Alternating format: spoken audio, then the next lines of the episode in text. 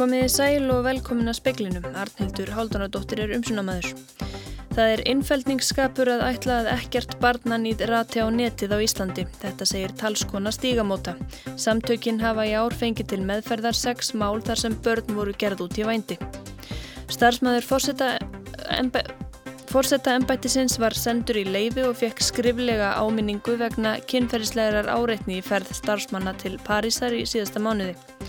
Lauraglann á höfuborgarsvæðinu hann tók síðdeis tvo menn í bakhúsi við síðumúla í Reykjavík. Sérsveitar menn vopnaðir og búnir skjöldum til að verja sig réðust til atlugun í húsið. Æslandi er aflisti 14 flugferðum frá landinu setnipartin vegna veðurs. Útlitt er fyrir að forsætisraðara Portugals og sósialistaflokkur hans fari með sigur af holmi í þingkostningum á sunnudag þökk sé batnandi efnahag landsmanna á síðasta kjörtímabili. Og óvissan um hvernig fyrir Brexit-málum hefur farið vaksandi. Það er vel hugsanlegt að Breitland, næst mikilvægasta viðskiptaland Íslands, yfirgefi Evropasambandi án samnings í mánuðalók. Við ræðum aðgerðir stýruhóp stjórnvalda í Brexit-málum og áhrif hardarar útgöngu á íslensk fyrirtæki síðar í speklingum. Stígamót hafa í ár fengið til meðferðar sex mál þar sem börn voru gerð út í vændi. Guðrún Jónsdóttir, talskona stígamóta, telur líklegt að slíkir glæpir séu framtir í dag og fari nú fram á netinu. Það sé innfældningsskapur að ætla að ekkert barnan í þrati á netið á Íslandi. En nýlega þegar við vorum í hótpandlinslu og fórum yfir flókin mál, uh, þá kom í ljós að það voru sex mál á þessu ári til umfjöllunar og stígamótum þar sem að konur höfðu sem börn verið látnar ganga á milli manna. E, hreinlega um barnavændi að ræða. E, þetta eru alls konar mál og meðal annars mál þar sem að umvar að ræða fleiri en eitt barn sem að voru e, með svo svo mörgum mönnum í einu og, konur, og börn sem að karlar veittu öðrum köllum aðgangað. Þetta var Guðrún Jónsdóttir, nánarverði fjallaði um málið í sjónvarsfréttum klukkan 7. Lauraglann á höfuborgarsvæðinu hann tók tvo menn í bakhúsi við síðumúla í Reykjavík síðdeis, sérsveitar menn vopnaðir og búnir skjöldum til að verja sigriðust til atlugun í húsið.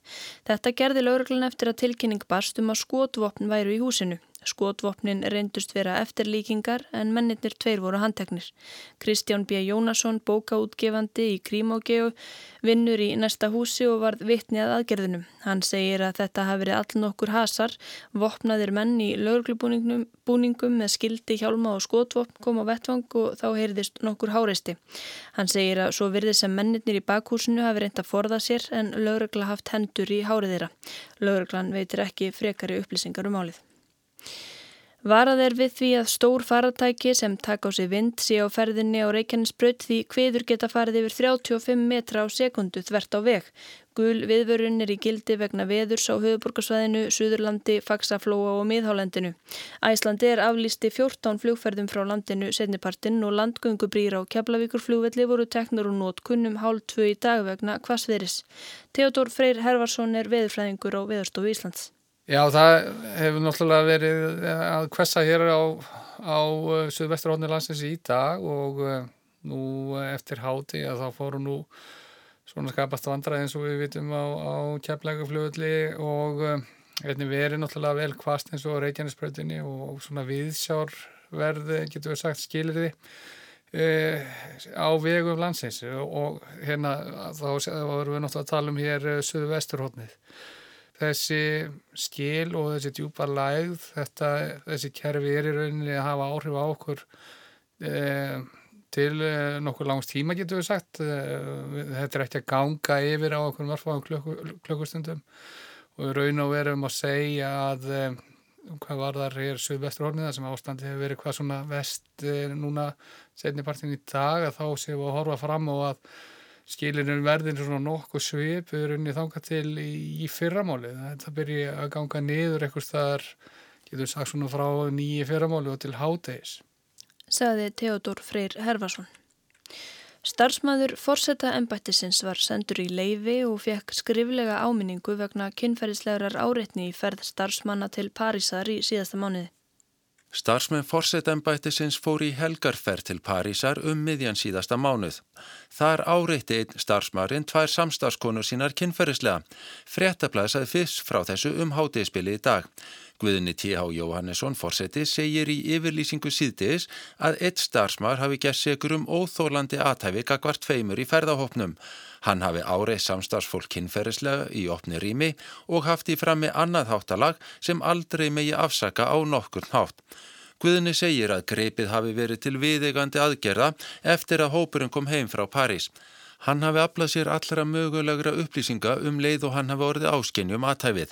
Starsmarinn sem braut af sér var sendur í leifi og forsetarítari veitti honum skriflega ámenningu. Starsmarinn hefur beðið þær konur afsökunar sem hann braut gegn. Að auki hefur hann leitað sér sérfræðaðstofar að er framkemur í yfirlýsingu forseta. Málin er formlega lokið og hafa þær sem brotið var á fallist á ákvarðanir sem teknar voru án þess að þurfa að byrja nokkra ábyrð á brotumannsins, segir fórseti. Starsmarinn fjekkast nú aftur að uppfylltum tilteknum skilurum. Brynjólfur Þór Guðmundsson saði frá. Franska lauraglan hefur enn ekki komist að niðurstöðu um ástæðu þess að hálf 50 úr sérfræðingur lauraglunar í upplýsingatekni réðst í gæra á samstarfsmenn sína og stakk fjóra til bana með nýfi. Sá 50 er alvarlega særður. Árásina gerði hann á vinnustad sínum á lauraglustöði í miðborg Parísar. Eginkona mannsins saði við yfirheyslur að kvöldið áður hefði maðurinnar farið að sína af sér undarlega hegðun og sagst heyra rattir. Hann snerist til Íslams trúar fyrir halvu öðru ári. Franskir fjölmiðlar hafa eftir lauruglunni að engar vísbendingar hafi fundist um að maðurinn hafi nálgast trúna á öfgafullan hátt eða átt í samskiptum við samtök öfgasinnaðra íslamista. Upplýsingatekni fyrirtæki var heimilt að skoða tölvupósthólf fyrverandi starfsmanns tveimur mánuðum eftir starfslokk sangað úrskurði personuvendar. Fyrirtækið gerði þó ekki fullnægendir ástafanir þegar starfsmæðurinn let af störfum til að gefa honum kost á að eigða eða taka afrið af tölvupósti sem ekki tengdist starfsemi fyrirtækisins. Starfsmæðurinn kvartaði til personuvendar þar sem vinnuveitandin hafði skoða vinnupóstólfiðans tveimur mánuðum eftir starfslokk án þess að hann væri viðstatur og afritað sex tölvuskeiti sem síðan voru lögð fram með lögbansbeðinni á þá hátt sem í starfsmannsins fyrfirandi að brjóta gegn samkeppnisbanni ráðningarsamnings.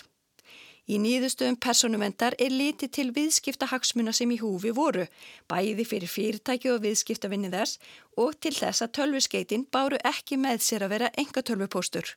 Þá fjælst personuvend á að skapast hefði virk hætta á því að starfsmæðurinn gæti grafið undan viðskiptahagsmunum félagsins og skadað hagsmunu þess og viðskiptavinna þess ef honum hefði verið búið að vera viðstatur þegar tölvupósturinn var skoðaður. Samkvæmt lögum ávi starfsloka gefa starfsmanni kost á að eigða eða taka afrit af þeim tölvupósti sem ekki tengist starfsemi vinnuveitandans. Einnig á að leiðbeina starfsmannum að virkja sjálfvirka svörun úr póstólfi sínu um að hann hafi látið af störfum. Personuvernd telur að fyrirtækið hafi ekki farið að þessum reglum í málinu. Dagni Hulda Erlandsdóttir saði frá. Flest bendir til þess að Antonio Costa, forsættisráð þeirra og sósélistaflokkur hans verði við völd á næsta kjörtímabili í Portugal. Þingkostningar verða þar á sunnudag. Það hefur verið stuð og stemmari á kostningafundum Antóniós Kosta að undanförnu. Skoðanakannanir sína að sósélistaflokkur hans hefur meðbyr meðal kjósenda.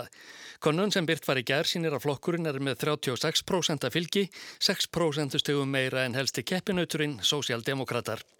Það þýður að Kosta og félagar eru nálað því að ná reynum meiri hluta á þingi. Stuðningur smáflokks á vinstri vagnum nægir til að mynda stjórn að nýju.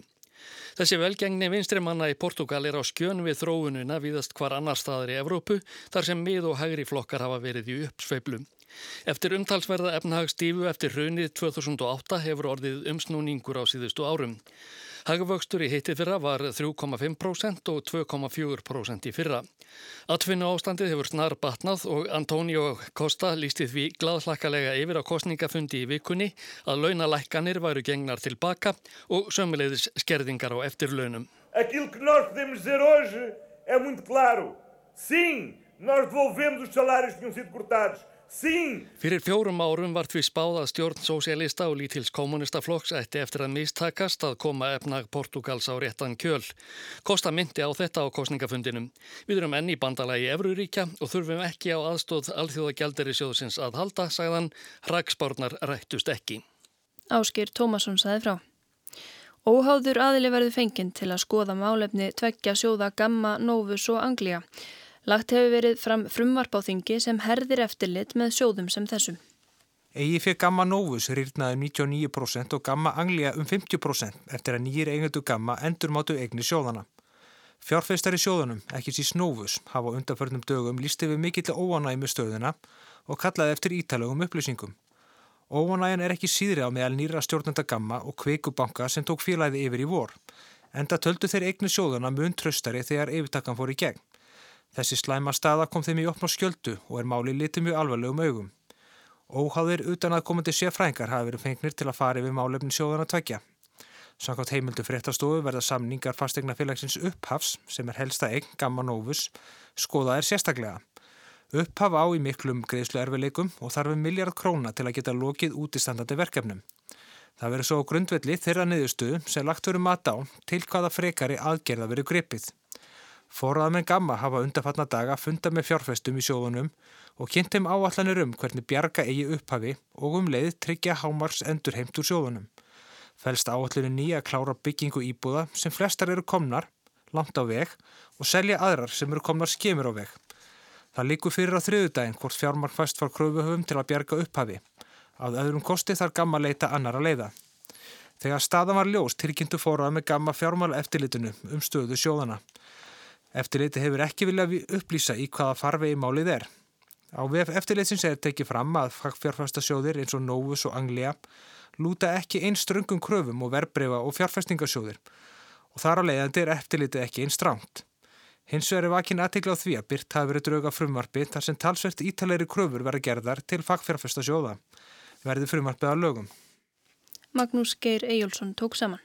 Óvissan um hvernig fer í Brexit málunum hefur undanfarið farið vaksandi. Það er vel hugsanlegt að Breitland, næst mikilvægasta viðskiptaland Íslands, yfirgefi Evrópusambandið án samnings í mánaðalokk.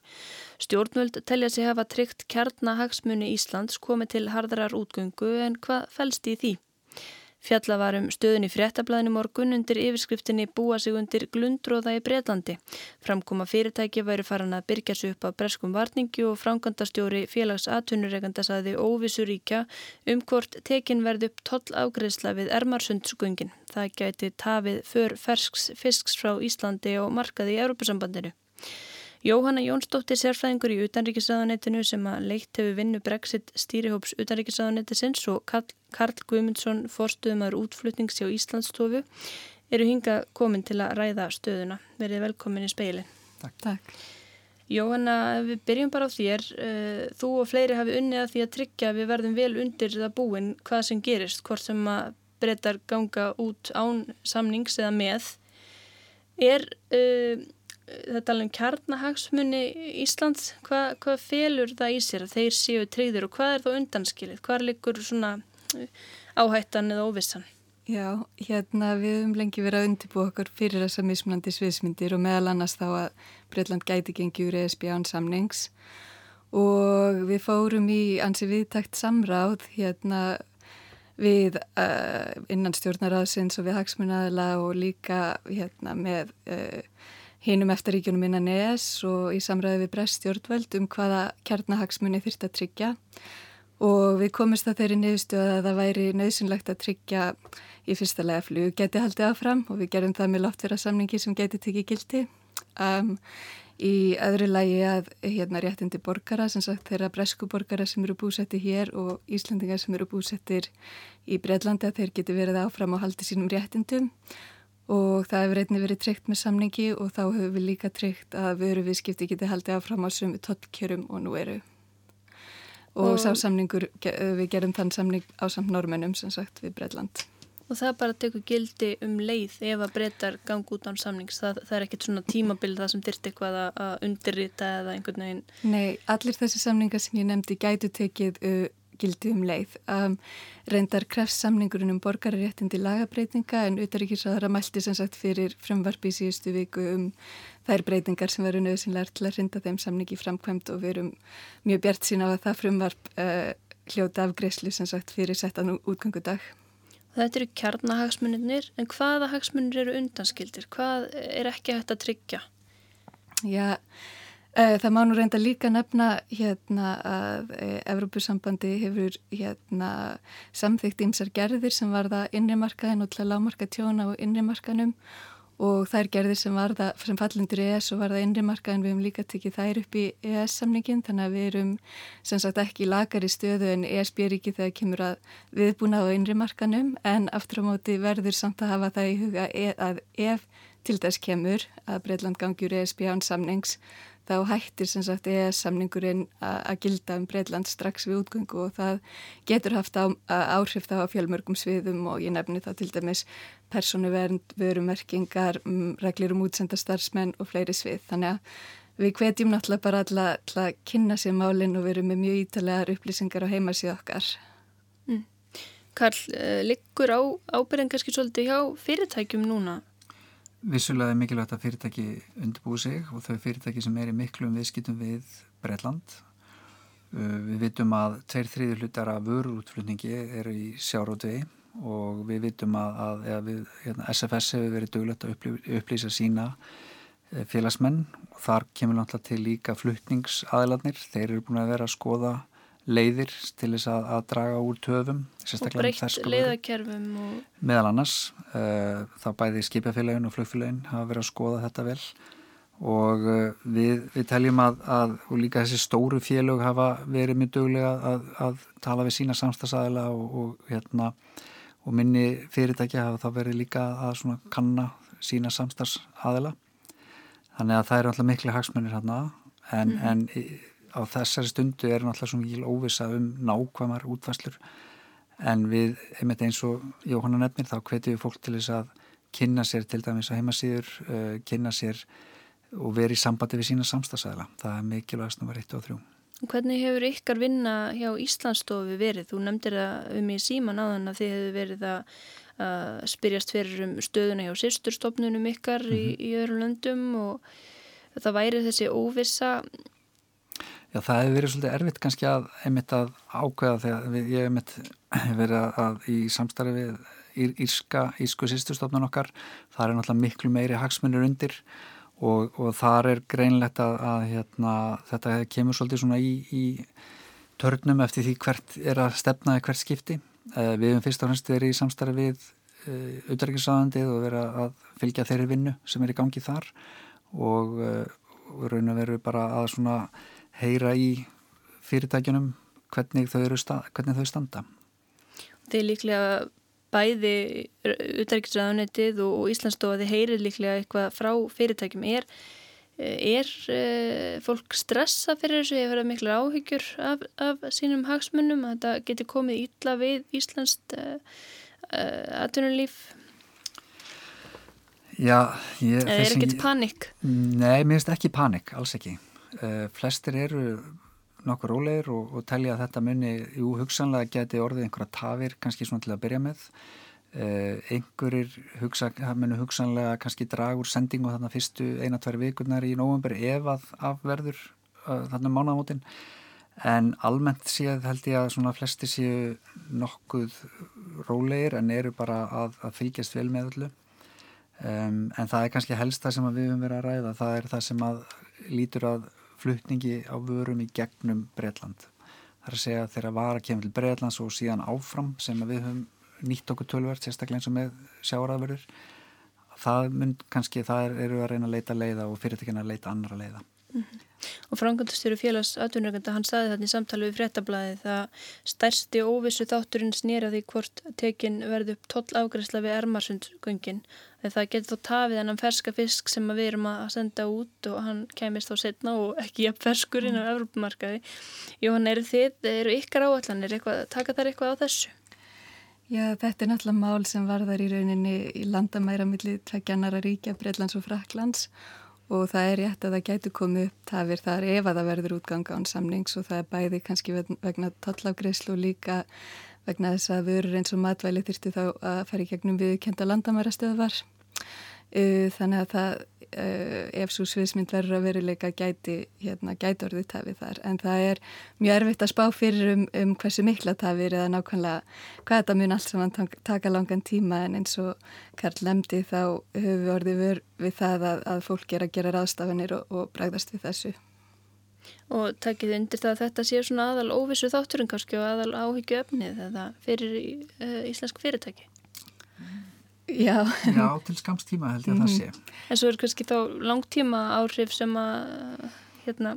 Þar getum við meira verið að horfa á eins og reglugerðin eins og Jóhann nefndi á hann með eh, reglugerðin kringum lækningatæki, eh, persónuvendarlög í þjónustu viðskiptum og annars lít sem að hef, við höfum verið með Európa-sambandin í. Mm -hmm. Það var kannski eftir að koma betur í ljós. Já, Já ég held að það komið mitt betur í ljós þegar hérna kannski Breitland og ESB eru farin að semja um sitt framtíðarsamband og þegar við samlega því erum, e, erum farin að semja um okkar framtíðarsamband við, við Breitland en það samninga við erum framtíðarsambandi þær geta ekki hafist fyrir neftur útgöngu. Og það er náttúrulega, ég flesti kannski byggust við því að, að það er því samið og, og það náttúrulega getur vel gerst en þá að það náist þarna samningar en en ykkar áallanir í auðvaríkisandinu þar snýru að því náttúrulega það er þarna aðlögunar tímabil ef að, ef að það næst samningur og það myndi þá vera til áslöku 2020 og þá svona er ákveðin stöðuleiki uh, alveg til loka næsta árs og kannski ekki, ekki ástæði til að hafa einhverjar áhyggjur þá. En Nei, svona, hefur þetta verið svo sviðismynd sem þið teljið líklegasta og er þá kannski um, áláða okkur núna að, undirbúa hýna betur ef að það fer svo að það náist ekki þessi samningur? Uh, við hefum alltaf verið að undirbúa okkur fyrir báða þessa sviðsmyndir en það er rétt sem þú segir að ef að það, það næst sam, samningur á milli Breitlands og ESB þá er gert ráð fyrir að það verði aðlöguna tímabild þar sem Breitland verður hérna áfram meðhandla eins og það væri aðila ESB og það þýðir fyrir okkur að við myndum meðhendla Breitland áfram eins og það væri aðilað ES og öllum öðrum samningum sem við hefum gert við ESB. Þannig að þá eru þau mjög litlar marktaka breytingar á samband okkar við Breitland allavega fyrstum sinn, allavega ekki til loka ást 2020 og það er mögulegi líka á því að framlengja þessu tímabili, aðalöguna tímabilinu. E, þannig að, og ég hérna, nefni frumvarfið aftur um, sem er núna í meðferð þingsins og það gerir ráð fyrir til dæmis þessari sviðsmynd líka, það gerir ráð fyrir báðum sviðsmyndum hvort sem það verði útganga með án samnings. Um, en ég þóri nú eiginlega ekki að spá fyrir um hvað er líklegt. Um, önnur sviðsmynd sem gætur það að veruleika er náttúrulega svo að um, aðild Breitlands að Európusambandinu það verði önnur framlenging sem sagt á henni Um, það er náttúrulega lög í Breitlandi sem segja til um að ef það er engin samningur á milli Breitlands og ESB þá verði brestjórnvölda ósk eftir annari framlengingu en það hefur náttúrulega ekki verið samið um hann enda á. Já, þetta 19. oktober. Já, fyrir já. 19. oktober. En á meðan Breitlandi er áfram aðilað ESB þá verður heldur náttúrulega engin breyting á mm. samband okkar við Breitland. Karl, hvað heldur þú að Boris og, og, og Breitar fengið gerir? Hvað, hvað gerist heldur? Ég bara er eins og, eins og margir aðrir hefur enga leið til að spá um það en hérna við vonum náttúrulega að það hefur hef verið viðskipta samband við breyta um, um aldir þannig að við hérna vonum að það muni ekki býðan ekki og við gerum á fyrir því að það verði áfram langtíma samband við breyta um viðskipti. Eitt að lókum uh, hvort haldið að verði betra fyrir uh, Íslands samfélag og, og atvinnulíf uh, útganga með samningið án? Við byrjum til Karl. Ég held að það væri betra að hafa sam, samling sem myndi að hafa tryggja einhvers konar vissu um ákveðinatri uh, eh, en aftur ég, ég maður þúrir ekki að segja til um það í hvað átt það myndi fara en ég til að væri betra til þess að eigða sem mestri óvissu. Óviss er alltaf slæm í viðskiptum. Já, hann hvað segir þú? Getur fælist tækifæri í því að að breytar færu ánsáningur út? Já, við erum náttúrulega mjög bjart sín á framtíðar viðskiptarsambandi okkar við Breitland og erum nú þegar í mjög góðum samskiptum við brestjórnvöld og, og hérna erum bara mjög, mjög bjart sín um þetta framtíðarsamband aftur á móti e, eins og Karl segir er þið meiri óvisa ef það væri útgang ánsamnings og það er þið meiri breytingar fyrstum sinna meðan við verum að semja um þetta framtíðarsamband. Þakk ykkur fyrir komuna í speilin, Jóhanna Jónsdóttir sérfræðingur í Utaríkisraðanettinu og Karl Guðmundsson fórstuðumæður útflutningasjá Íslandsstofi.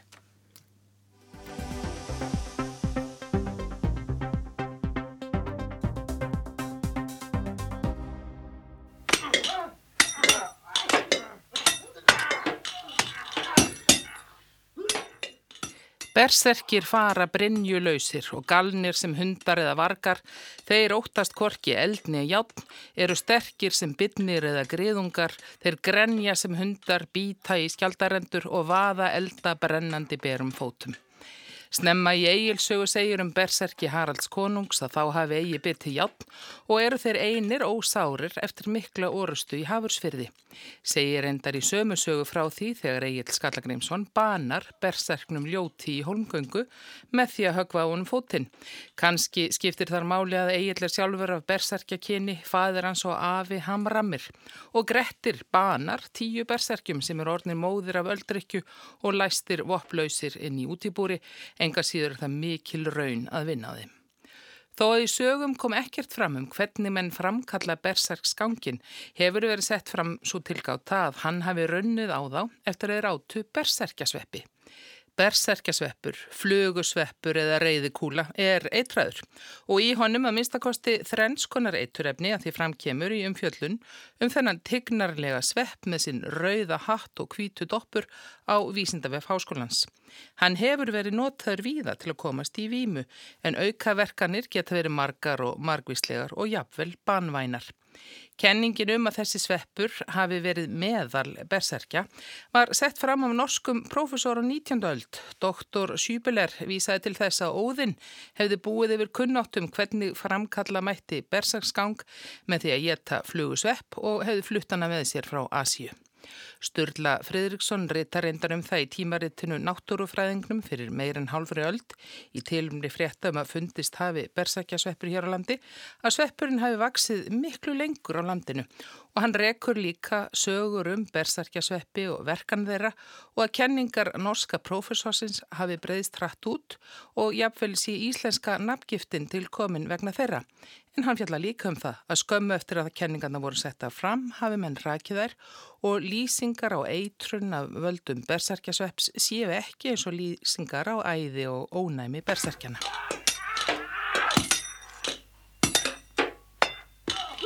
Svo er önnu saga og jafn dulafull um hvernig ofskinjuna sveppur gæti orðið að jólaskuriti. Helst er reynd að týna það til á slóðum alnetsins að á þýsku sé talað um hamingju, rólfa og lukkunar pamfíla sem glukkpiltse eða happasveppi og jarbundari menn benda á að bersarkjasveppur sprett upp í kringum trjárætur, oftar en ekki hjá grenitrjám sem endi svo sem jólatri. Þetta var nút út úr en nú hefur slóvenski vísindamæðurinn Karsten Fatur sem stundar sína rannsóknir við líffræðideild háskólans í Ljubljana fengi byrta grein í vísindaritinu Journal of Ethnopharmacology.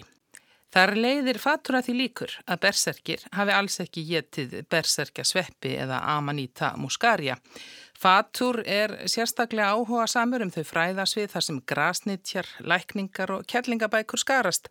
Í útdrætti úr grein hans, Sagas of the Solansier, segir að berserkjasveppurinn geti vissulega kallað fram ímislegt annarlegt en það sé miklu líklera að berserkir eða úlfhjæðinar hafi notað júrtina Hiosímios nýger til að kalla fram æðið sem á þá rann.